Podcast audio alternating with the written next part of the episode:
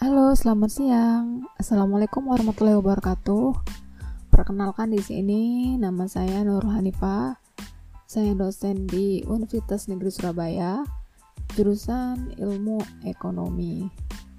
Nah, podcast ini saya buat untuk menerangkan atau menjelaskan literasi pada mata kuliah pengantar ilmu ekonomi mikro.